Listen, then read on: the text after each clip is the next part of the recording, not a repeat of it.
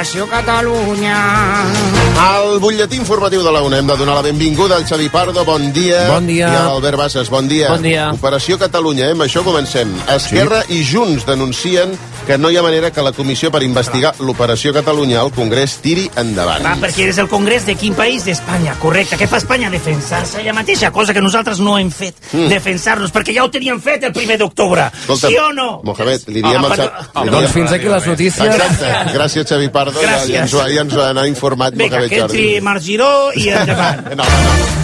Primeres notícies. És veritat, se, se tenen una, se tenen una espai als periodistes. Voleu callar, que És ara que és hi ha el moment de Xavi que, Pardo. que el Xavi recull a partir del que dieu d'aquesta frase. Si, si hi ha 600 personatges que intervenen entremig, no, ja no se sap de què està. No, jo no he dit res ja- encara. ja eh? reconduirem, no jo. Xavi Pardo, jo estic callat i no t'he dit res, eh? Sí, ho no, pot dir? ho pot dir tota la gent del públic? He dit alguna jo? No. No, ni- la gent del públic ha dit res. La Ara sí que ho han dit pregunta- perquè els he No, però m'interessa quina opinió té Angelines sobre l'Operació Catalunya. Bueno, a mi lo, tot el que sigui d'operacions m'interessa molt. Jo m'he fet els pits eh, diverses vegades.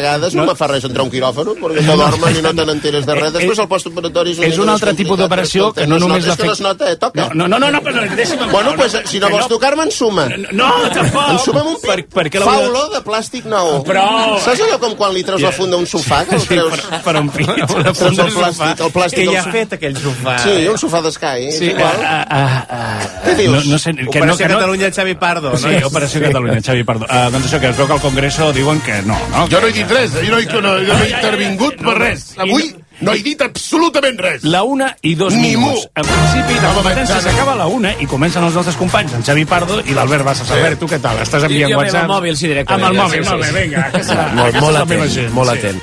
Doncs bé, al Congrés recordeu que aquesta comissió eh, parlamentària per investigar l'Operació Catalunya es va aprovar al setembre, d'això ja fa alguns mesos, i a hores d'ara el més calent és a l'aigüera, no s'ha constituït aquesta comissió.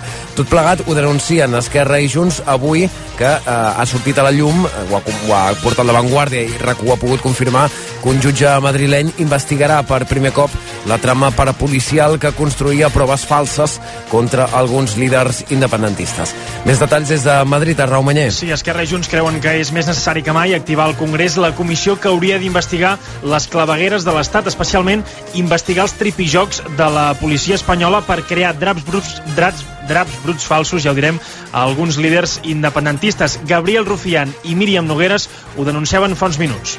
pero no se ha traducido en una votación real, ni se ha traducido, eh, ni mucho menos en la conformación de esa comisión. Más allá de las buenas palabras o de decirnos que ellos no pueden controlar el Poder Judicial o que no pueden controlar una parte de la policía, sería bueno que se investigara, pero como demócratas. Tampoc s'ha constituït la comissió d'investigació de Pegasus, tampoc s'ha constituït la comissió d'investigació del 17 d'agost i el que cal és que s'obrin les portes, que s'obrin les finestres, que s'aixequin les catifes Ara, per primera vegada, un jutge investigarà l'Operació Catalunya. Ho farà després d'una querella de Sandro Rossell contra l'excomissari Villarejo i després que la Fiscalia hagi confirmat que té les competències per indagar en el cas.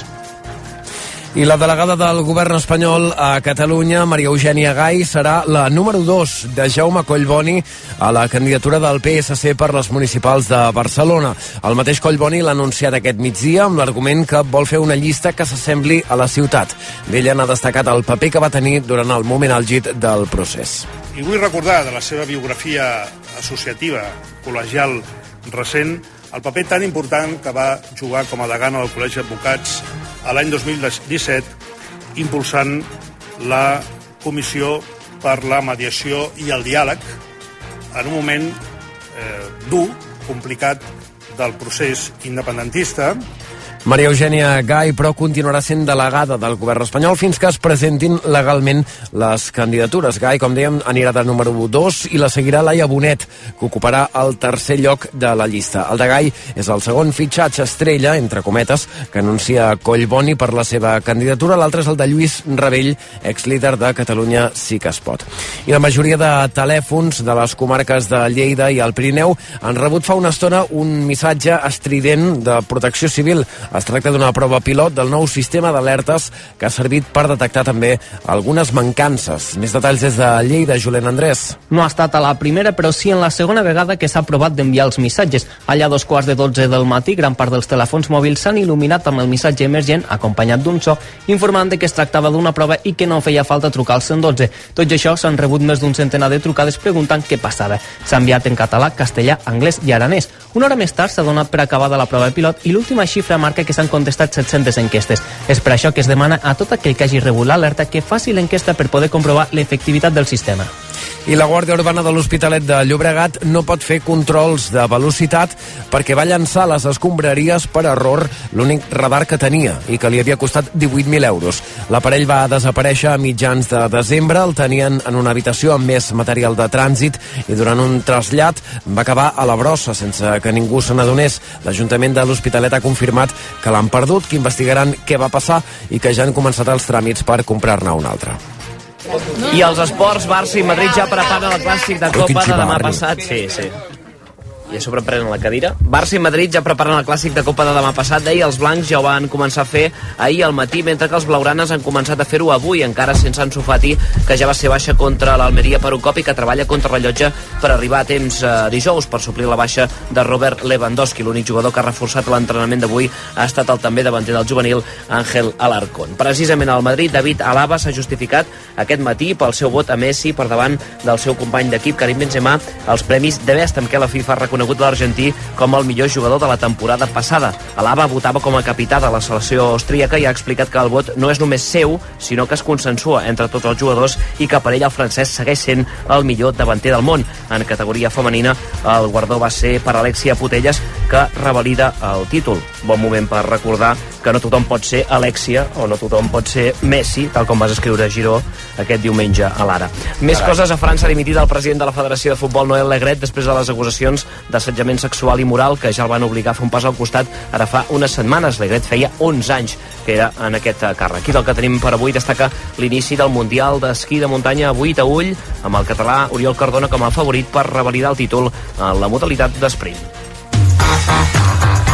Sons del món presenta The Jackson 5 en concert. Dissabte 22 de juliol a la Ciutadella de Roses. Els germans Jackson celebren la gira de 50 aniversari amb tots els seus grans èxits. No et perdis el seu únic concert a Catalunya. Entrades a la venda demà a les 10 del matí a sonsdelmont.cat. I el temps aquesta tarda farà fred, però no tant com ahir, i el vent encara bufarà fort a l'Empordà i a les comarques del sud. Predominarà el sol a ponent, mentre que la resta el cel continuarà mig ennuvolat. Al Pirineu s'escaparan nevades febles. Gràcies, Javi Pardo, gràcies, Albert Bassas. Que Ah, ets aquí? Bé, eh? Sí, sí. molt bé. Home, esclar, d'una a dues, el vostè primer, en Marc Giró, que resulta que sóc jo, com per no ser-hi. Ho tinc per contracte. Sí, no malament.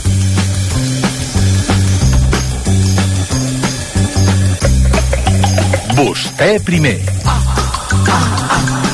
A RAC1 amb Marc Giró. Home, i amb l'Ernest Ferrer, el Joel Fortuny, Esteu Romagosa, Bona tal estàs? Tenim entre el públic el Jordi Castella, que resulta que ets de Berga. Sí. Ui, has fet cara com... Ah, mm, sí? Sí? Ets Sí, de Berga o no? soc de Berga, sí. Però uh, hi fas una, fa, ets un cavallet a la Patum? Sí. Però com ho saps? perquè t'he mirat a la cara perquè jo, a mi em poses 500 persones, 1.000 persones, 2.500 persones i detecto qui és de Berga i a quina comparsa, a, en el cas de que ho fessin, eh, mm, participen de la Patum. Com et quedes? Ah. I he notat a la pell, se m'ha erizado el vello, com es diu això? Erizar, lo va? Lo va? Pell de gallina. Pell de gallina i he dit, calla, que aquí hi ha un de Berga. I pum! Jo no tinc el radar aquell gai que diuen, no el tinc, només tinc el, el, el, el radar patumaire aquest, de saber qui són patumaires. Quin crac. De quin color és el teu cavallet? Marrón. Des de, fa, des de quan fa que ho fas? Uns 10, 12, 13 anys, em sembla. Per afinar, el, eh, Ernest, per afinar el de la Patum, en lloc dels plens haguessis pogut posar els tours i cavallets, però vaja... ja Bueno, tot- però tot- tot val, tot val, eh? tot Tot val. tot val. Eh, el blanc és el teu, eh? No, marró, marró. El marró, perdona, el marró. Sí, l'últim. Ara, ara sí, mira, ara sí, ara sí. No m'agrada, no m'agrada. Ah, calla, estic fent a tu, Ernest, baixar el, el so i és possiblement que me l'hagi de baixar jo, jo. Estic fent, no, no, no posis tan alt, és que me l'he de regular jo el so. La ràdio, la ràdio. Eh, a, a quan cau la Patum aquest any? Al juny. Al juny, eh? Esteu Sí. preparant-vos ja? Ja estàs fent cames o, o no? O, Eh, o no, ho tens encara no. Encara no. No. Us prepareu d'alguna manera, els tours i cavallets? Algun, aneu a algun restaurant, us trobeu, eh, feu gimnàstica, els bessons que estiguin ben preparats? No, una mica de barreja el d'abans i ja està, vull dir. Què és la barreja? Expliqueu pels que no ho sàpiguen. Ah, és una barreja, la barreja és la- l'alcohol que es, que es prena ja per patum, la beguda típica, per dir una manera. I què porta? Anís i moscatell. Joder. Joder.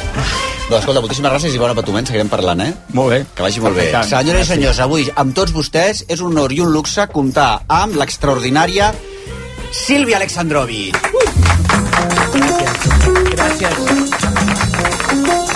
Ai, Sílvia, quina il·lusió. La Sílvia Alexandrovi i jo ens coneixem de fa molts anys perquè eh, havíem treballat junts a Marie Claire. Ella va ser una de les millors directores, si no la millor directora que ha tingut la revista Sí, Marie Claire. pero gritaba mucho, ¿no? ¿No te acuerdas?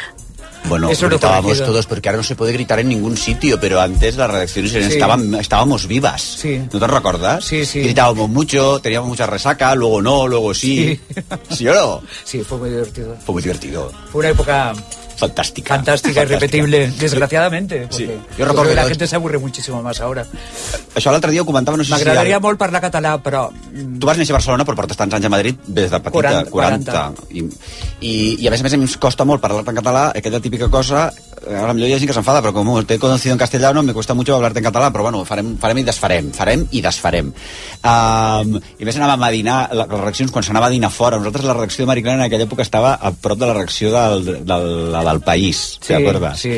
I anava a dinar fora i bueno, no tornàvem per la tarda ja No, o, o o volvíamos en muy mal estado. En muy mal Pero, en estado. fin, pero se nos Mm. ocurrían buenísimas ideas. Sí, sí, que luego olvidábamos a la mañana siguiente, Sí. acuérdate. Qué ràbia, no? Que, que buena revista haguéssim pogut fer Sí. i quants diaris i quants articles bons haguéssim pogut fer si realmente hubiéramos recordado esas buenas ideas de cuando tornábem a las tardes a la redacció. ¿sí bueno, no? de todos modos, había unos alemanes por encima nuestro que no nos dejaban hacer No, los nada. alemanes siempre han estado por encima nuestro, nosotros éramos, al final éramos muy obedientes. Sor, sor, sort, que, sort, que, sort que les oblidàvem, les, Sí, les sí. idees. Gran disciplina. Escolta'm, eh, parlant d'oblidar, ha escrit la Sílvia Alexandrovic de l'editorial Superflua, que és una de les nostres editorials favorites, un llibre que és una recopilació dels seus articles, que es titula Antes de que os olvidéis.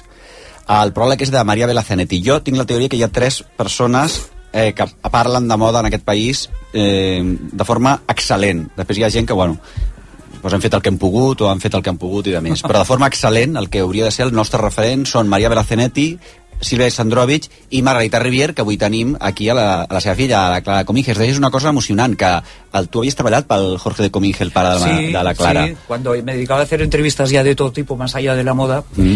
eh, Jorge de Cominges me contactó y no sé muy bien por qué, pero bueno, me imagino que por Margarita, a quien había conocido muchos años antes, que fue siempre una, una es- maestra, tanto como maestra no, pero bueno, la primera, La primera. y me- Un más respetable, una- Ujú. exacto. Y, mm, y me, entre- me encargó las dos mejores entrevistas de mi vida, nada que ver con la moda, una con Susan, no, Susan Sontag, Wow. Tela. tela wow. interessantíssima Oh, i fantàstica. Si tu has estado delante de Susan Sontag. És que Sí. envidia. El, el meu Era- pare em va parlar de- d'aquesta entrevista. Sí. ¿Cuándo? ¿Cuándo? A ¿Qué raíz, año? a raíz de la publicación, no me acuerdo el año, a raíz de la publicación en español, en castellano, de En América, que es Mm. una novela que escribió preciosa de la vida de una mujer cantante, cantante de ópera, Sí, acto- sí, actriz sí, sí. de teatro polaca que llega a América y crea una comunidad ahí, no sé si la habéis leído, bueno, Sí, sí, una novela muy bonita. Somos fans, somos fans. ¿Y qué tal? Aquella se enamoró de ti claramente, porque todo el mundo se enamora de de, ti y tú de ella, ¿no? Sí, esta cosa del Tú has tenido un sexo fluido. Sexo fluido, hija mía. Género fluido. ¿Sí o no? ¿Sí o no? ¿Hubo sexo fluido? No, pero vamos, que- porque tenías prisa y No, porque las dietas... er- hubo mucha complicidad. Seguríssim. I l'altra persona que, um, que vas entrevistar, la recordes? Jorge Semprún, Ullo. exministro. Hija, pues ya a partir de aquí no cal entrevistar ningú més. Clar, Susan Sontag, Jorge Semprún, te pots anar cap a casa teva, lo pots en el currículum i a vivir. Esto, mira, yo creo que las personas, los periodistas que han entrevistado a Susan Sontag y Jorge, Jorge Semprún como escritor, no como ministro. ya tendrías que casi es mejor. No, bastante mejor. bastante mejor. Pero yo creo que con estas dos entrevistas, Silvia, tú ya podrías demanar una pensión vitalicia. Yo creo que un título nobiliario y pensión vitalicia. He entrevistado a estas dos senyores i ja me'n vaig a casa. Joder. Tu deies, Clara, una cosa que m'agradaria que repetissis si, si vols, Sí. eh, que ara que has trobat a faltar el teu pare perquè... No, bueno, clar, és que, és que quan, quan em vas dir que venia la, la, la Sílvia, clar, jo, és que el primer impuls que, que tenia era enviar-li un WhatsApp al meu pare, trucar-li i dir-li ei, que vindrà la Sílvia, tal, que m'expliqués coses, i clar, i és que no, no tinc ni la meva mare ni el meu pare per poder-los dir, i, Clar, és, clar. i és un... Uf, Està bé, està bé. Està bé. Bueno, nos estamos yendo. Sí, sí, sí. sí. Poco a poco. Ole, pues, pues, bueno, pero antes de irnos, antes de, por favor, sí, sí, sí. eh, antes, de, antes de que nadie se vaya, bueno, si alguien se va, eh, ya avisaremos al Samur, pero antes vamos a hacerte la entrevista del libro, ¿eh? Silvia, si no Molt te importa. Porque muérete fuera, ¿eh? Muérete fuera del estudi, Sí, sí, perquè, sí, sí. fíjate, arrastrarte ara contra aquestes portes que són... És que sempre pateixo jo que se'm mori algú i ara ho faríem? No tenim, no te... I a part aquí no tenemos, aquest de RAC1 no tiene ningún tipo de... No hay de... ideas de estos portátiles, No, pero hice un cursillo, te lo digo por si Ah, acaso. tú sabes hacer el boca a boca y todo. Sí, bueno, a lo de- mejor te salvamos. Silvia, a lo mejor te salvamos. Vale. no te preocupes. Muérete tranquila porque a lo mejor te salva Vale, vale. la mar No, que forcada. no se muera. Bueno, a veure, el, uh, antes de que eh, us oblidéis, són una recopilació d'articles que van sobre, sobre moda, però, més, però són, mm, és una cosa increïble perquè, a més a més, no són llargs, est- estan superelaborats, no són gens farragosos, són hipercultes i superpopulars en cadascun dels seus articles. Si a vostè ara que ens està escoltant, aquesta entrevista la fem per a les persones que no els interessi la moda, perquè els hi faci fàstic la moda, perquè realment es reconciliaran amb el món de la moda i amb el món de la història, perquè eh, és un llibre per gent que no li agrada la moda. Si t'agrada la moda ja és orgasmàtic, però si no t'agrada la moda també te l'has de llegir. En què ha canviat la moda, Sílvia, des de que tu t'hi interesses o des de que tu hi treballes ara? Bueno, eh, en mi época, en mi época hablamos de hace 30 años, 20 años, yo he estado trabajando hasta hace unos 15, ¿no? Y ha cambiado mucho, bueno, con el siglo XXI, con, el- con los años 2000, Internet, redes sociales, influencers, todo esto, ha sido un cambio absoluto. Antes de eso, la moda era más eh, cultural. O sea, la moda había que vivirla, no solamente mirarla, que es diferente, vivir una cosa que mirarla, o escucharla, o, o pasar por encima, vamos. Entonces, ¿en qué ha cambiado? En, en todo. En todo, se ha ido a la otra punta. Es decir, la moda ahora es muy rápida, muy, siento decir, estúpida. O sea, un nivel de frivolidad ya y de superficialidad, eh, de- no sé, no tiene nada que ver. Li- I al, al, a la pàgina 66 del llibre, en un dels teus articles, dius que la moda no té sentit de l'humor. No n'ha tingut mai, ara més, menys No que mai. nunca. Nunca. Nunca. Explica una mica això, perquè això, excepte Mosquino, dius que sí que... Bueno, Mosquino, sí, el momento en que un diseñador de moda como Mosquino, el único que yo recuerde, que hacía unas chaquetas de, eh, pongamos que 2.000 euros, ¿eh? precio de ahora, que, donde ponía eh, Stop the Fashion System, por ejemplo, ¿no? Ser O- aquest o yo soy el diablo o cualquier o el, el símbolo del dólar en la espalda de una chaqueta carísima y se la compraban entonces era un era un cierto sentido del humor no era y la señora que se lo compraba también tenía sentido del humor porque se lo ponía Ujú. con el signo del dólar en la espalda y decía me he gastado una pasta entonces este sentido del humor eh, ha dejado de existir ha estat molt radical en la resposta. Tampoco lo hubo mucho antes, ¿eh? Ah. O sea, no digamos que la señora Chanel tenía mucho sentido del humor, no tenía ninguno. Y tenía muy mala uva, por ejemplo. ¿eh? Y se lo toman muy en serio. Los diseñadores, la gente de la moda, las estilistas, todo el sistema se lo toma muy en serio. Y finalmente la moda es una cosa cultural, pero también es superficial. O sea, es una elección de cada uno. Uno puede elegir cómo vestirse, imagínate, si puede elegir su género, si puede elegir lo que le dé la gana, también puede elegir. Pero falta sentido del humor, yo creo. Que podríem extendre-ho a molts altres àmbits ara mateix, no? A muchísimos, a todos los ambientes y sobre todo a la política. El tema, el tema del bon gust o el que és el gust eh, i la vulgaritat planegen constantment en, en molts dels articles. És un tema que et preocupa, crec. Que Sí. no, no sé exactament què és el bon gust, però sí qui el domina, qui l'ataca, què és la vulgaritat... Eh, a ver, el buen gusto, yo creo que es. eh, el buen gusto es la educación, la cultura. El buen gusto es. eh, saber de colores, saber un poco de arte, saber un poco de todo para manifestarte, ¿no? Eso yo creo que es el buen gusto, el conocimiento. La vulgaridad es eh, seguir, seguir, seguir las modas ciegamente y de una manera... ¿Acrítica? Absurda. Acrítica, exacto, i absurda. La teva mare hi ha un moment divertit que comença un dels articles dient que et, va, que et revisava el bolso i al·lucinava amb el que hi trobava quan tu eres adolescent o quan tu eres Sí. preadolescent. És un, és, un, eh, és un article que ens hem llegit amb l'Esther Romoso també, Que que, a hem encantat. coincidit, que ens ha encantat. Parla de la història del bolso i... Que no coneixem, és fascinant. Es que el bolso es... eh, sí, bueno, lo cuento en este artículo. El bolso, eh, mm, cuando las mujeres tuvieron necesidad y eso fue en la época en, en la época de la Revolución Francesa en el siglo XVIII hasta finales de, hasta finales del siglo XVIII las mujeres llevaban bolsitos dentro de las faldas dentro de los corsés donde llevaban sus cositas. Básicamente eh, perfumes y cosas para no oler tan mal como olían. Y, y entonces, cuando, cuando después de la revolución, en la época de Napoleón, se puso de moda la moda imperio, eran estos vestidos fluidos, sin nada que esconder.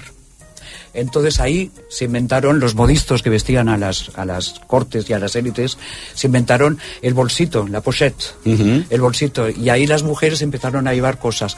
De llevar perfume a llevar, eh, no sé, eh, veneno o a llevar unas monedas. Ay, veneno yo llevo siempre encima por si acaso. Tú no. Sí, en aquella época se llevaba. Eso me lo enseñaste tú. No, Hay que llevar siempre veneno, un poquito de el veneno. eres tú.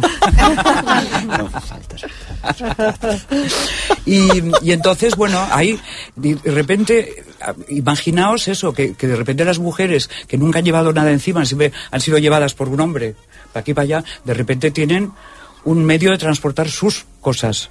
Claro. Y es, eh, para mí el bolso es la independencia de la mujer. Y la primera cámara propia, la miró una mica, ¿no? Exacto. Importante. Luego también se dieron cuenta los tíos, ¿eh? Hay mucho tío que se ha dado cuenta que lleváis bolso y os han cargado también con sus cosas, ¿eh? Sí, pero bueno, los tíos con bolso no me gustan nada, francamente. No, no, no, Ya, no. Los tíos con bolsillos sí me gustan. No, digo, no hemos entendido. no, digo que hay mucho tío Que que, ha... usan tu bolso para guardar sus cosas, Ah, sí. Ah, no, no, no. Hay un no has dejado, no. Hay que darle con el bolso, porque el bolso puede ser un arma No, el bolso es una cosa privada. Mi madre, lo, mi madre, mi- el bolso, eh, las mujeres que llevamos bolso, que somos la gran mayoría, y no hablo de las mujeres que llevan un bolsito así donde solo cabe una tarjeta de crédito Mm. y la llave del hotel, por ejemplo. Eh, Bueno, la- a mí me encantaría ser de ese tipo de mujeres, ¿eh? No me es una No, tarjeta de crédito no, en la no, llave del no hotel. te no te no, eh? gustaría A mi, nada. segons la teva teoria, que No te m'encanta... gustaría. la- Bueno, es que llevo 50 años siendo de las otras, ¿eh? O sea, Bolso hay, do- hay dos cosas que las mujeres no deben, no deben llevar si quieren ser independientes.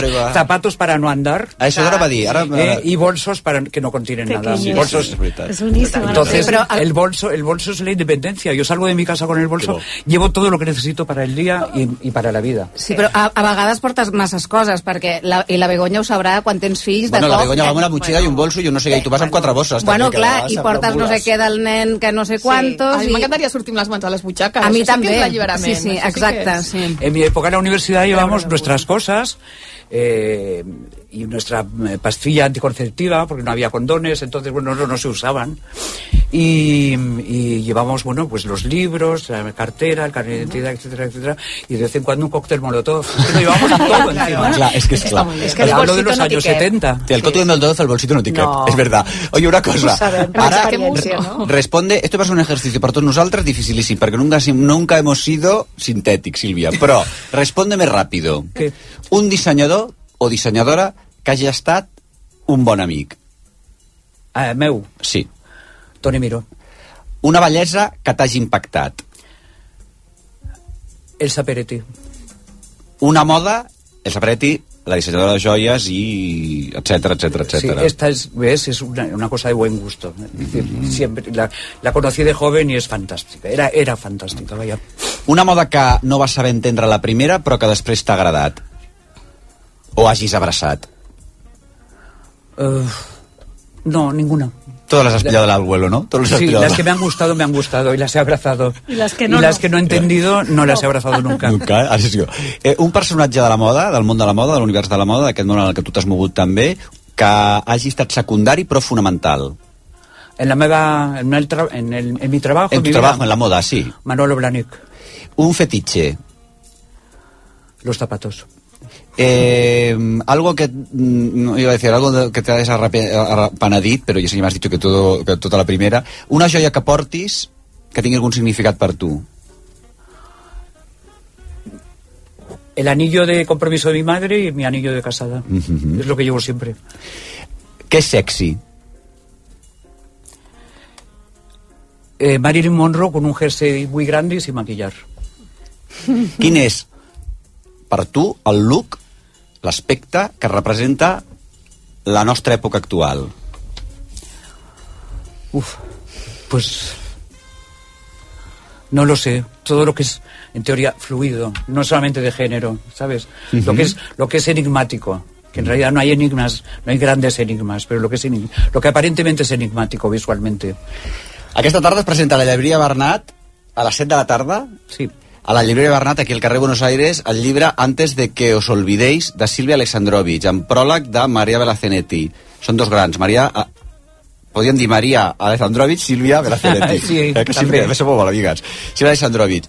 Antes de que os, os olvidéis, valdria la pena anar a la presentació avui a la llibreria Bernat, que a més és una llibreria amiga i fantàstica. Saps m'ha m'ha emocionat molt? Què? Veure't que et mous eh, com et movies a darrere la teva taula, sempre estàs, ah, sempre, quan parles i cadira. penses, ella sempre es movia, anava i sempre anava fent petits cops de... Sí. Tipo John Cage, un poco, que és fantàstic. que és fantàstic. Un aplaudiment. Sílvia Alexandrovich. Gràcies. Muchas gracias. Moltes gràcies. Sílvia, si voleu... Si, no està el Martín Torres aquí, si voleu marxar podeu marxar, però si voleu quedar podeu quedar, eh? Fantàsticament. Senyores i senyors, amb tots vostès, Clara de Cominges, Rivier. Hola, que fantàstica, Sílvia. Mm, Tant de bo et tinguéssim aquí cada dia, eh? Tant de bo. Oh, un gust sentir-te. Què t'anava a dir? Avui ens vols parlar de eh, Mercè Llop. Mercè Llop. Qui, qui era la Mar Llop? Eh, la Mar Llop va ser una fotògrafa freelance i activista eh, de l'Associació de Persones Trans Generem, en va ser la fundadora i presidenta, que va morir repentinament ara just fa un any, el 25 de febrer de 2022, amb només 54 anys. El Miquel Vicenç n'ha parlat alguna vegada, sí. Sí, llavors, Mhm. eh, per, què? per què vull parlar d'ella? Perquè la, la Mar va aconseguir unir el seu activisme amb la seva professió. Vale? I durant una dècada es va estar retratant el procés, el procés de transició de moltes persones i amb la seva obra es va convertir en un referent, el referent de persones trans que ella mai no va tenir i amb Mhm. el que va ajudar a moltes d'aquestes persones. No? Llavors, el seu projecte més important eh, comença més o menys paral·lelament eh, quan comença la seva transició física. Que ella Mhm. diu que bueno, des de petita ja, ja, ja, bueno, ja, ja Ja era una, sentia... ja era una dona. Ja era una dona, però eh, la, la física comença més o menys als 2014, 2013, 2014. Com es diu aquest projecte? Es, es diu Construccions identitàries, Work in Progress, on a través d'una exposició i també un llibre de fotografies de persones trans buscava explicar la diversitat que hi ha dins d'aquesta manera de viure i de fer, Mhm. amb l'objectiu d'apropar aquestes realitats i que la gent pogués entendre quins són aquests processos. No? Que una de les coses de la Mar Llop, de la Mercè Llop, una dèries que tenia de la Mar. seva obra de la Mar és eh, que, to, que les persones trans són diferents que també. són diferents i que és només un tret de la seva personalitat, que no és, la gent no Mhm. és trans i ja està, o sigui, és un tret només. Anem a centrar-nos en l'últim dels seus L'últim projectes. projecte és un projecte que no va poder veure mm, mm, bueno, acabat, perquè era, bueno, hi havia un, un documental que també va fer i un llibre que és, eh, continuant amb el Construccions Identitàries, Famílies Trans. Llavors, en aquest cas volia visibilitzar les diferents realitats de famílies on són els menors, Mhm. Els que transiten cap al seu gènere sentit, i acostar aquests relats de vida de les criatures trans. Llavors, I també de les seves famílies, que jo crec que l'entorn també és molt de, important, de tots. oi? Llavors, Mhm. què va fer? Va entrevistar a, 29, a 29 famílies amb nens i joves trans, però, a, o sigui, a totes les famílies, o sigui, tant els nens, els joves, com tota la família i sempre buscant la màxima diversitat tant en edat com en discursos, Mhm. perquè també, o sigui, per, per ella era molt important mostrar que, que no, no l'estereotip de, de persona trans, sinó la diversitat. Ahà. El, això és un llibre que es pot Sí. trobar a la llibreria Prole, editat Prole, per Prole, sí, i que es troba a la de- llibreria Prole. La llibreria llibre Prole de- està al carrer... Eh, ara busquem. ara mateix. Ai. Ara anava a dir Rosselló, però no n'estic segur.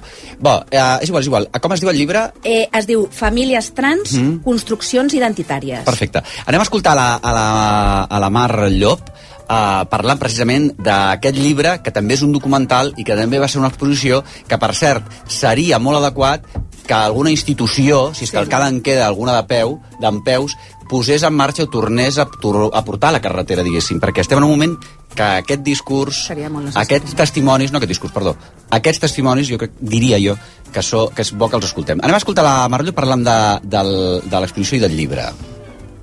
Aquí no hay ninguna afirmación, ¿no? Todos son ideas y quedan a- al aire y son testimonios de las personas que, que las han vivido, ¿no?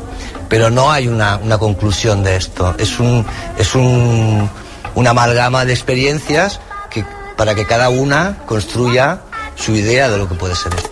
Fantàstic. La, la llibreria Prolo no es pot comprar el llibre Famílies... Com es diu el llibre, perdona? Famílies trans. Trans, amb- Construccions identitàries, que és el projecte general. És el carrer Borrell Número 100 100 de Barcelona. de Esther, Barcelona. Aquest llibre, que és també l'exposició i també el documental que va fer la Mar Llop, i hi han diversos testimonis d'aquests familiars de nanos trans, llavors n'hem recopilat uns quants. Comencem pel Ralph, que és el pare de la Itziar. Ella va saber que se sentia nena als 3 anys, però no li va explicar a la seva mare fins als 5. Va ser en sortir de la psicopedagoga i van així. Un dia la meva dona que sortint li va preguntar quin era el problema que tenia i ella va dir que de problema no tenia cap sinó que tenia un desig i el seu desig era ser una nena. Jo personalment doncs, tenia molts dubtes, a mesura va passant el temps potser ja nosaltres ja teníem alguna cosa més processada. Vam anar a un centre comercial, ella es va vestir de nena i recordo el seu somriure. No? I en aquell moment, jo francament, personalment, em vaig donar compte de que tots els dubtes que podia tenir, aquell somriure ho curaven tot. Ho curaven tot amb Ho un curaven somriure, tot. tots els dubtes d'anys i anys. Passem a l'Alejandra, que és la mare de l'Eli. és que, perdona, afegeixo, que ser un mateix és una cosa que pacifica molt, diguéssim. Clar. Et pacifica tu i pacifica l'entorn. O sigui, trobar això és una cosa que és genial.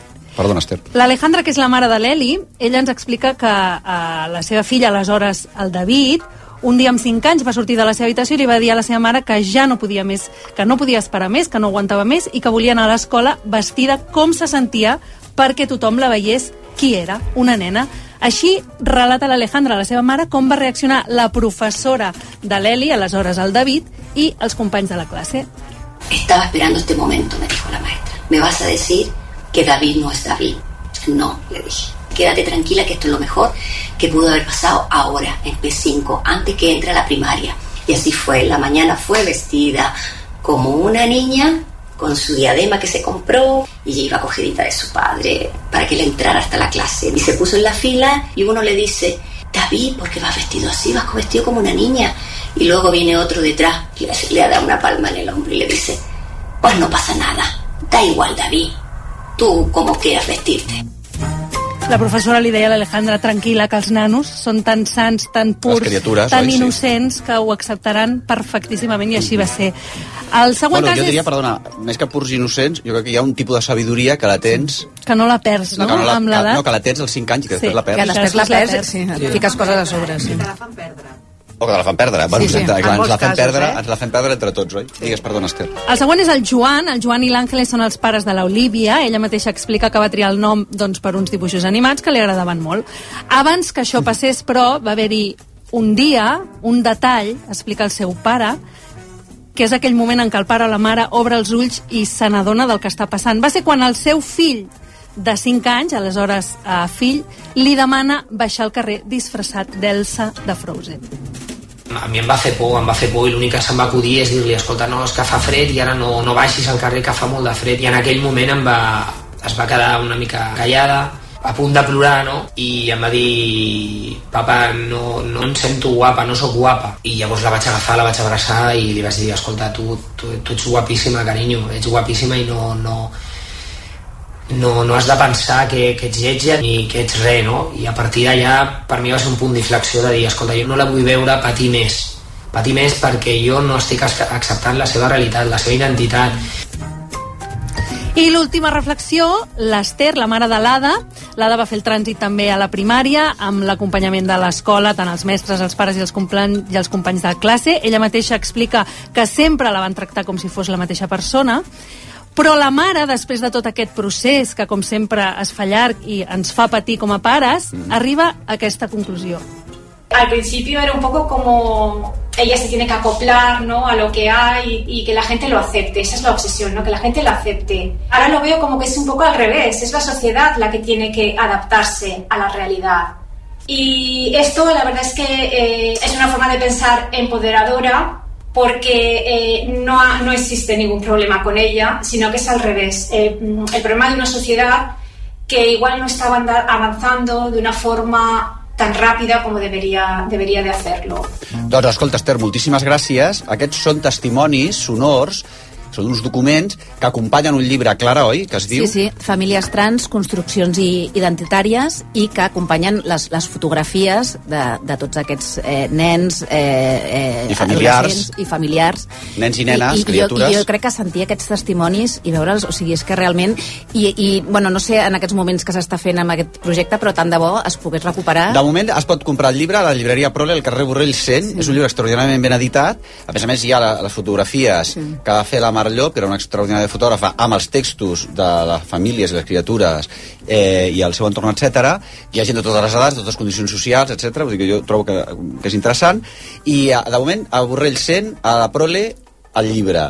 I estem esperant nosaltres, com agua de mayo, que alguna institució amb una mica de, de, de, de, de pressupost per descomptat i de, i de senderi doncs posi en marxa l'exposició. l'exposició que és una que ja havia sigut muntar, itinerant, itinerant, itinerant. però que quan va morir la mare es va aturar tot. Exacte, ha un documental també. Bueno. Llàstima. Uh, moltíssimes gràcies a les dues, Clar, com dic, gràcies, gràcies Esther, magnífica feina crec, i avui sobretot tenim una cita a les 7 de la, de la tarda a la llibreria Barnat, que és una de les nostres llibreries favorites, si no la nostra favorita, per assistir a la presentació del llibre de Sílvia Alessandrovic, del qual també hem parlat. Sílvia, moltíssimes gràcies per haver-nos acompanyat. Gràcies. Moltes Sílvia gràcies a vosaltres. Antes de que os olvidéis, Sílvia Alessandrovic a Superflua, un llibre imprescindible. Una mica de publicitat i tornem immediatament. Vostè primer, amb Marc Giró. A bon preu i esclat, l'estalvi és marca de la casa. I ara i fins al 6 de març aprofita aquest lot estalvi. Dues pizzas del Dr. Oetker, terrina de gelat Häagen-Dazs i sis cerveses Túria per només 9 euros amb 99 cèntims. T'estalvies 9 euros amb 70 cèntims. Aprofita l'oferta. A bon preu i esclat, l'estalvi és marca de la casa. Bon preu i esclat. Si vols canviar de vida i estudiar en una business school que lidera els rànquings, o canviar un pla de desenvolupament personalitzat, flexible i amb una xarxa de contactes potent, Work to Change. Entra a eaebarcelona.com i comença el canvi en una escola de negocis creativa, acollidora i innovadora. EAE Business School. We make it happen. RAC1 presenta la segona edició dels Premis DRAC. Torna el DRAC que reconeix iniciatives. Idees, projectes i persones que han fet millor la nostra societat. En l'últim any, un jurat escollirà els guanyadors en quatre categories. Veu de l'any, innovació, sostenibilitat, històries amb ànima. I vosaltres decidireu qui s'endú el premi a la categoria Tots som u. Voteu a racu.cat i optareu a guanyar una tauleta electrònica. Tornen els Premis DRAC. La segona edició dels premis creats per RAC1. Tots som. Amb el patrocini de CaixaBank, Kia, FIAC Assegurances i Unió Suïssa Joiers. amb el suport de la Generalitat de Catalunya. Evans, proveïdor tècnic oficial. Organitza Activity Experience. Va tenir una cosa, senyores, perdoneu, que estem en directe, hi ha un altre cop. Mira, estan parlant del Alessandro i de la Mar Forcada, bueno, a tope. Eh, les ulleres s'han de comprar bones, dic sincerament, eh? Ai, Perquè jo ara m'acabo de xafar les ulleres aquesta camina que me Però no li han passat res, No us ha les passat res? Per favor. Perdona, alguna hi han de tenir alarma. Com alarma? Alarma. Que me les he deixat a casa. Ah, bueno, Ah, veritat, que tu vas cega, vas cega. per favor, vas, vas d'allò. No xilles que no te veo. ah, Us ha passat mai que de sobte trobeu un estoig oblidat, una pulsera, un rellotge o joies que no recordàveu que teníeu i que ja, us, ja no us poseu? Doncs ara amb Circa podeu treure'n profit. Són experts compradors internacionals d'alta joieria, obligat, rellotgeria la pots haver, i perdona, diamants. perdona, la pots haver trobat o la pots haver robat. Si has robat un banc i tens ara joia que no saps què fer... Ah, no, no, no. Estàs embolicat. Mare de Déu, mare de Déu, m'estic embolicant. No. Circa només les vostres, eh? dels vostres o de familiars, Familiars, uh, Circa us justamente. compraran les peces que ja no utilitzeu i us en faran el pagament de manera immediata. Fantàstic. Podeu demanar cita a circajewels.com o al 932 15 76 78. Fantástico. Nosotros tenemos unas tiaras, ¿verdad, Silvia? Tenemos unas tiaras de diamantes Sí. que vamos ahora... Tenemos tiaras a punta pala para... Tiaras, collares, Collares, sí. haga falta. Sí, sí, sí. Brazaletes. Senyores i senyors, amb tots vostès, Begoña Gómez Urzai. Estic encantada avui perquè aquí només vens a conèixer gent interessant. La Sílvia Alexandrovich, que l'he llegit tant, la, la Clara, que conec de fa mil anys, I has parlat de la Mar... de la Marce Llop, sí, m'ha fet molta il·lusió, la vaig conèixer, la vaig entrevistar diverses vegades i després pots escriure el seu obituari perquè, perquè era una persona d'una gran generositat i, i una gran artista. Mhm, no, de I. I era molt, va ser molt emocionant escriure l'obituari parlant amb totes les seves amigues que parlaven tan bé d'ella, de la seva lluita, del seu compromís, que era infatigable. Bueno, era una infatigable, era apassionada. Era infatigable, Era una dona arreu. infatigable, apassionada. Sí, sí, molt Sí, cosa, també. A més a més, a més Sí. a més. Sí, sí, Escolta, sí que- uh, avui vens a parlar, sí, és veritat. Una cosa Sí, que... i està bastant relacionat també, perquè també surt una nena trans a tot això que parlarem. Mare de Déu, sí, mare sí, de és que Déu. aquí tot està relacionat. Ben, venim a parlar de nens i nenes intèrprets. Bueno, jo no crec que tot estigui relacionat, eh? No, tot el eh, que si és passa aquí, aquí a Can Giró. No, no, no, no, això ho diu, i jo no estic d'acord amb això. Jo és que crec No? que retrat, retrata el que hi ha, diguéssim. És el gust de l'època, allò que dèiem, l'ull de l'època. Bueno, i el que passa, a nosaltres ens està passant, ens passa, està passant això, no? Vull dir que jo que, jo, que vosaltres som raó. Periodistes, escolti, i, i, i, expliquem el que que hi ha. passen. Exacte, anem a parlar de nens intèrprets. Tots hem vist la imatge aquesta tan emocionant de la nena Sofia Otero, que va guanyar eh, l'Os de Plata a la Berlinale, que és l'únic premi d'interpretació. Això és interessant també, perquè és una d'aquestes coses que diem que estan canviant.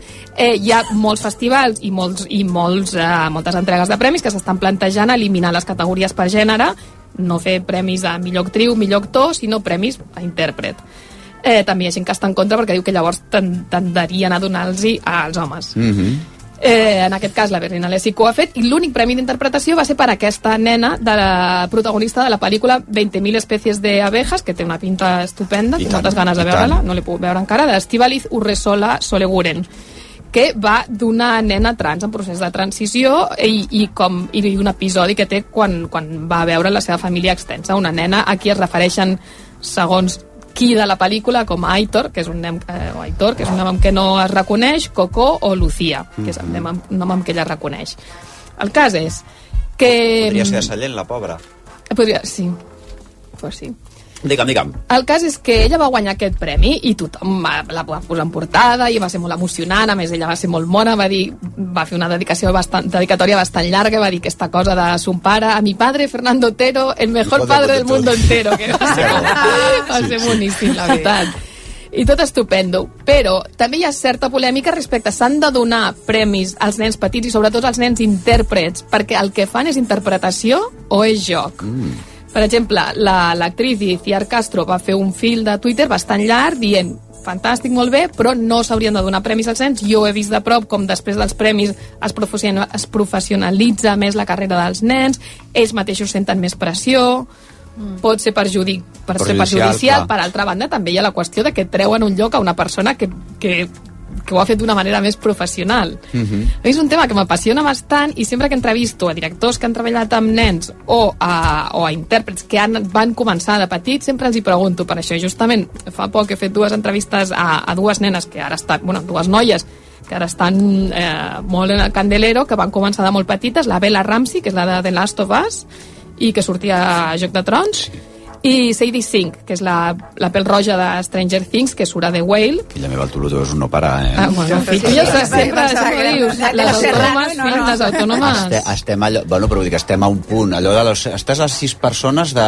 de tothom. No, no, jo no he arribat estem a la punt, eh? Estem a un punt de la Sonta, gràcies a Silvia Sandrovic, Sí. i estem a un punt de Juego de Trones, a gràcies Juego de Trones. l'altre, De del Trones. de Juego de Trones. Esta. I aleshores li vaig fer la mateixa pregunta. Tu en quin, en quin moment vas ser conscient de que estaves treballant, de que això que feies és un ofici, és un art? I totes, eh, generalment, els, els que han sigut nens intèrprets sempre són capaços de dir-te quan. Quan, en quina pel·lícula, en quin projecte, en quina obra de teatre van fer com una mena de clic, perquè quan eren petits no ho notaven. I, i m'agrada molt també el que va dir la Sadie Sink, que va ser, per ella va ser després de fer aquesta pel·li de The Whale, que va tornar i va fer la quarta temporada de Stranger Things. Ella Mhm. va fer Annie a Broadway, saps? I Love You Tomorrow. Sí, sí, ah, yo te había fet també. Tu també has sigut Annie, Y la Silvia también, al te- paralelo, acuérdate sí. que hicimos a Annie en Broadway, que tú eres Annie, Amb el cabell. ¿T'acuerdas? la Sí, huerfanita. i després ho vaig fer jo també. Jo jo. no Sí. als 80, el Silvia una mica És abans, verdad, és verdad. però sí, éramos a, eh, sí, sí. I aquesta em deia, jo vaig notar, després de fer The Whale, em vaig sentir una mica més empoderada i era capaç de dir, pareu la toma, o és necessito un interessant, això és molt segon. interessant. Això és Espera, molt però és molt interessant mm, parlant de criatures eh, Sí. actors, però també en altres àmbits. Sí, Explica-ho perquè ella això. em deia, quan, normalment quan un nen al rodatge sempre té el síndrome del... No, no m'ho va dir així, eh, però jo ho vaig entendre així, el, el síndrome del nen toca pilotes, Mhm. que el nen que no molesti, el nen que no molesti, el nen que no pari la toma, que arribi allà on li han posat la marqueta al terra, que no ens faci perdre el temps, i ella tenia aquesta cosa com molt interioritzada de no molestar.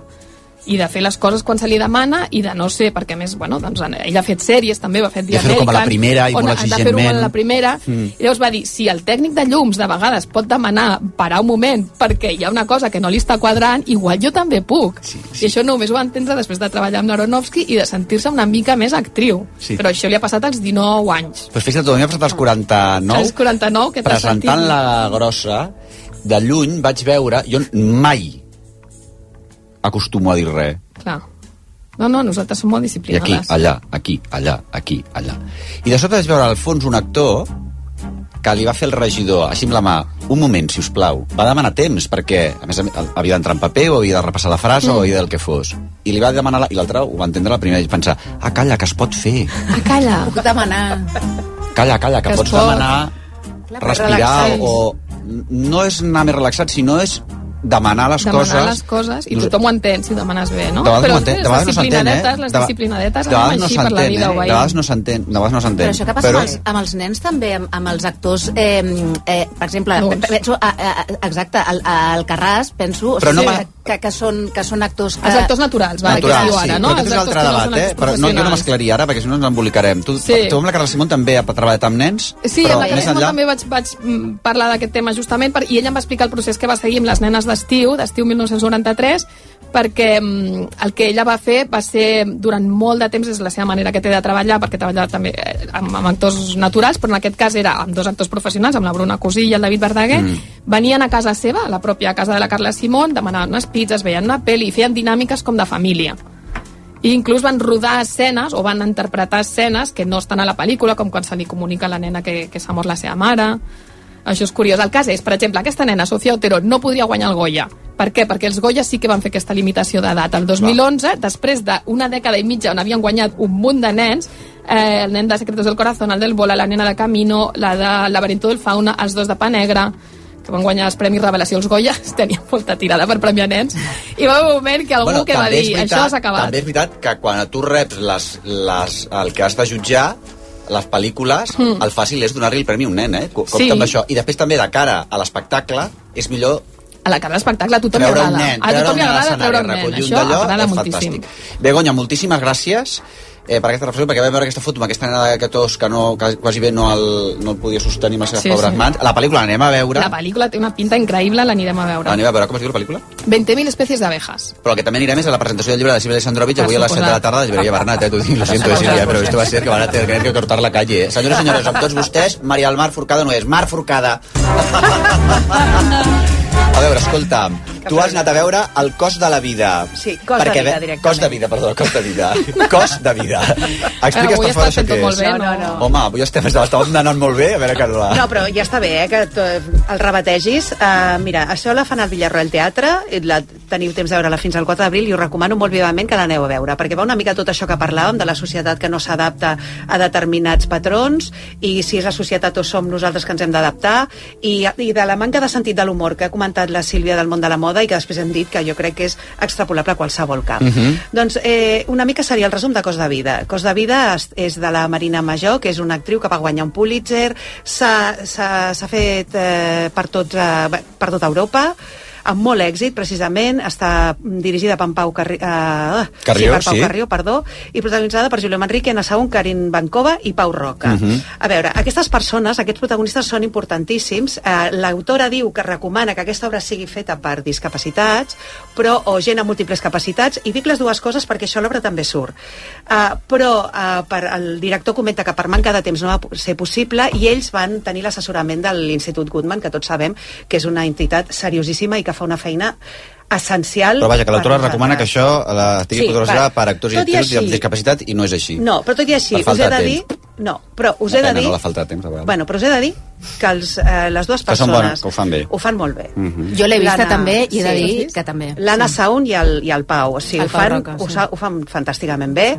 Uh, jo en conec algun, per això us dic que sí, i, i, val, i, i és més, um, què passa? Que aquesta obra, el que ens, eh, una de les coses més importants que ens, que ens dona a entendre és això que us deia.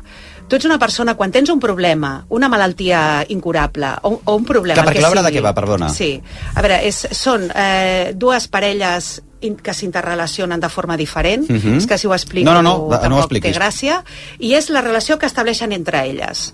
Eh, una és un, un discapacitat eh, que té un gran, poten- eh, un, una gran capacitat intel·lectual Sí. i que necessita que algú l'ajudi, Mhm. una, necessita un cuidador, I, és, i que serà una noia, la noia polonesa. Després tenim una altra parella que és eh, l'Anna Saún, que té, eh, estava casada amb un camioner, que és en Manrique, eh, just quan s'estan separant, ella té un accident brutal que l'ha deixat tetraplègica. Mhm. Val.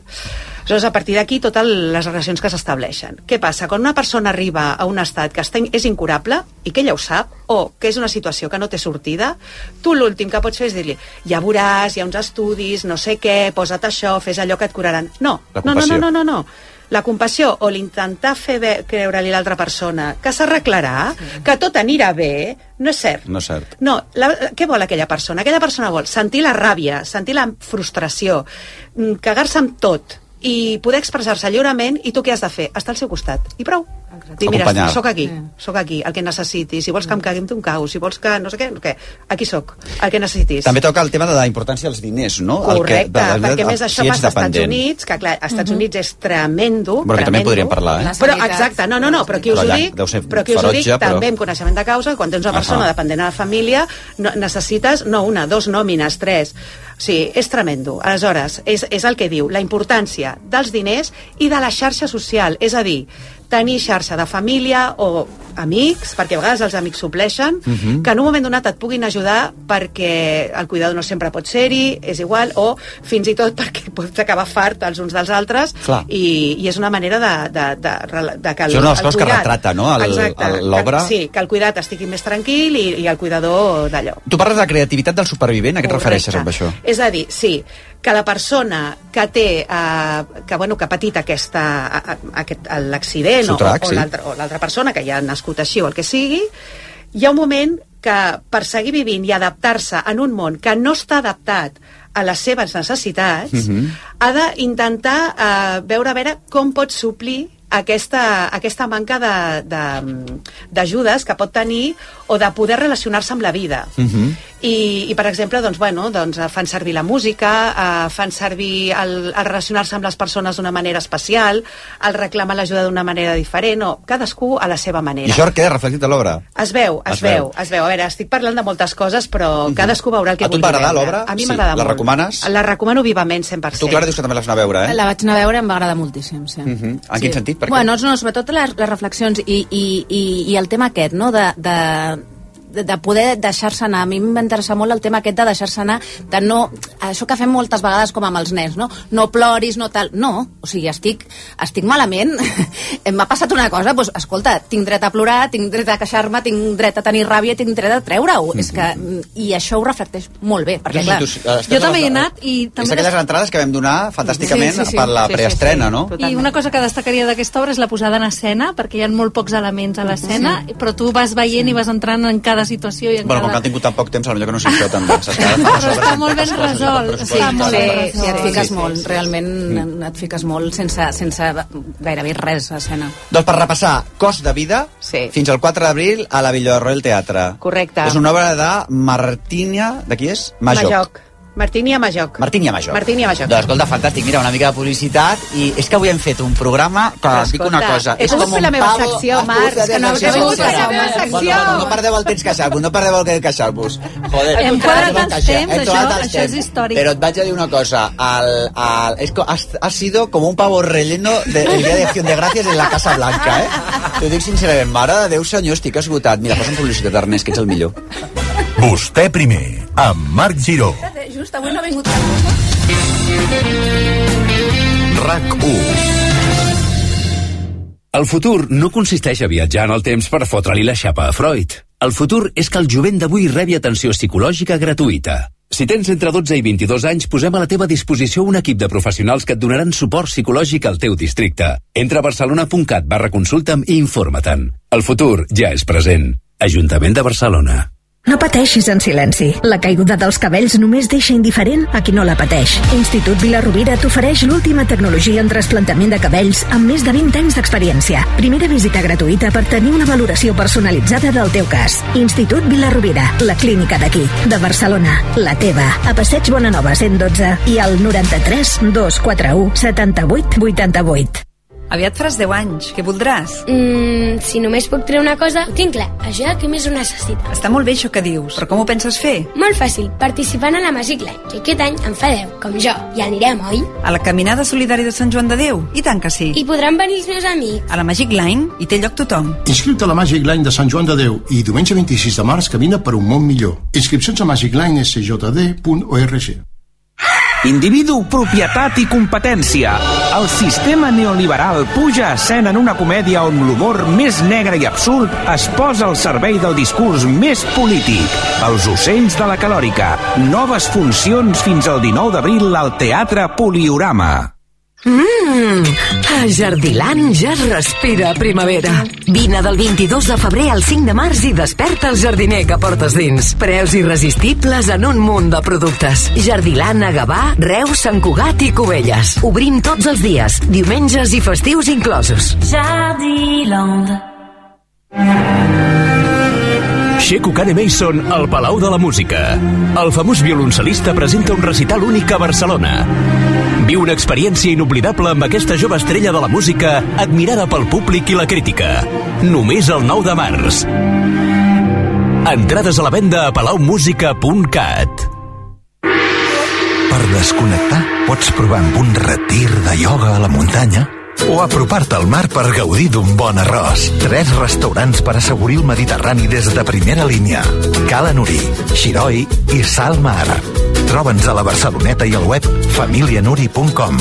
Família Nuri, restauradors des de 1962. Posa't en forma amb Basic Fit. Et mereixes sentir-te bé amb tu mateix, així que fes del fitness un bàsic a la teva vida. Aconsegueix el nostre kit fit gratuït amb tot allò que necessites per posar-te en plena forma. Queden 3 dies. Basic Fit. Go for it. Purs, eterns, transparents. Els diamants són la pedra més preciosa i a Criso els valorem més que ningú. Per això, si estàs pensant en vendre els teus diamants, visita Criso. Comprem diamants de qualsevol mida, forma, sols o amb joia. Criso, a carrer València 256. El millor amic del diamant és Criso. Per tu, que sempre escoltes la ràdio mentre condueixes el taxi.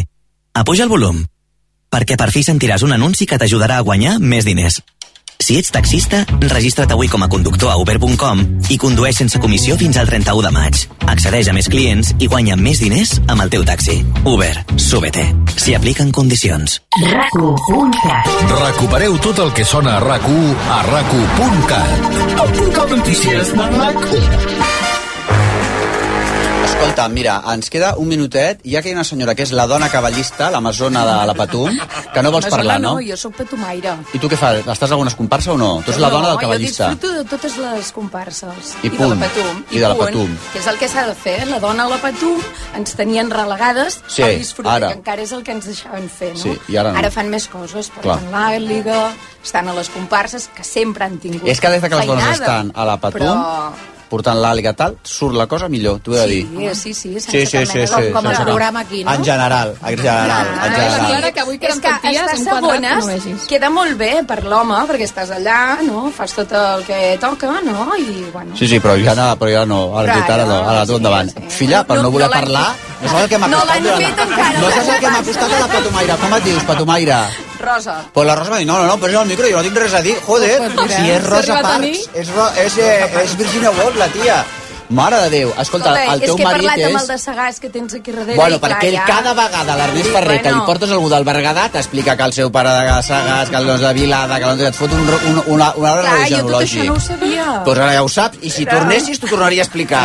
Ai, doncs jo tampoc ho sabia. Sí, mira, pues mira, també anem tu també estàs a, a Borredà. a Borredà. Eh, Què t'anava a dir? És l'aniversari del teu marit, És l'aniversari eh? Quants en fa? Del Jordi? 49. Doncs amb un aplaudiment pel Jordi, avui ens acomiadem. Visca la Fronda Verga, eh? El juny, el juny, eh? Uau, ara estem a Quaresma. Visca, visca. Que passi la Quaresma. Gràcies, fins ara. Ser a prop vol dir veure les coses més bé. Apropa't al que t'interessa amb la xarxa Més. la teva plataforma audiovisual de qualitat, proximitat i gratuïta. Gaudeix dels continguts de més de 30 televisions locals i podcasts quan, com i on tu vulguis. Entra a la xarxa més.cat i descarrega't l'app.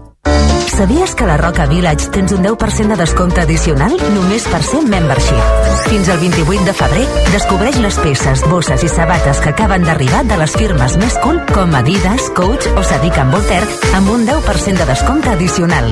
Uneix-te a la Roca Village Membership a la nostra web i comença a gaudir dels teus privilegis. Si ets cuinetes, para l'orella. Ara, La Vanguardia et regala un wok smec del color que més t'agradi perquè puguis cuinar de forma sana, saludable i amb molt d'estil.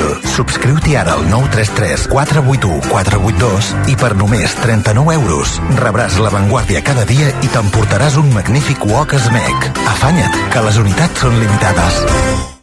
RAC, RAC, Informació, actualitat, esports, entreteniment, al mòbil, a la tauleta, en podcast, en aplicació, en ràdio, RAC1. Tots som u. Amb la col·laboració del Departament de la Presidència de la Generalitat de Catalunya. Moltíssimes gràcies, que vagi molt bé, eh? Fins demà. Ah, calla, que he de dir una cosa, perquè és que ara un consell que us agradarà molt bé, el, per, si voleu estalviar amb bon peix i estalviar moltíssim, atents al que ens explica els de la Sirena. No me'n recordava que havia fet la Sirena, m'encanta, com que està molt de la patum. Les millors ofertes sense sortir de casa? No tens excusa, perquè fins al 22 de març a la Sirena.es tens superofertes exclusives online. I a més a més, codis de descompte i ofertes flash. Gaudeix de tots aquests avantatges comprant online a la Sirena.es. Més fàcil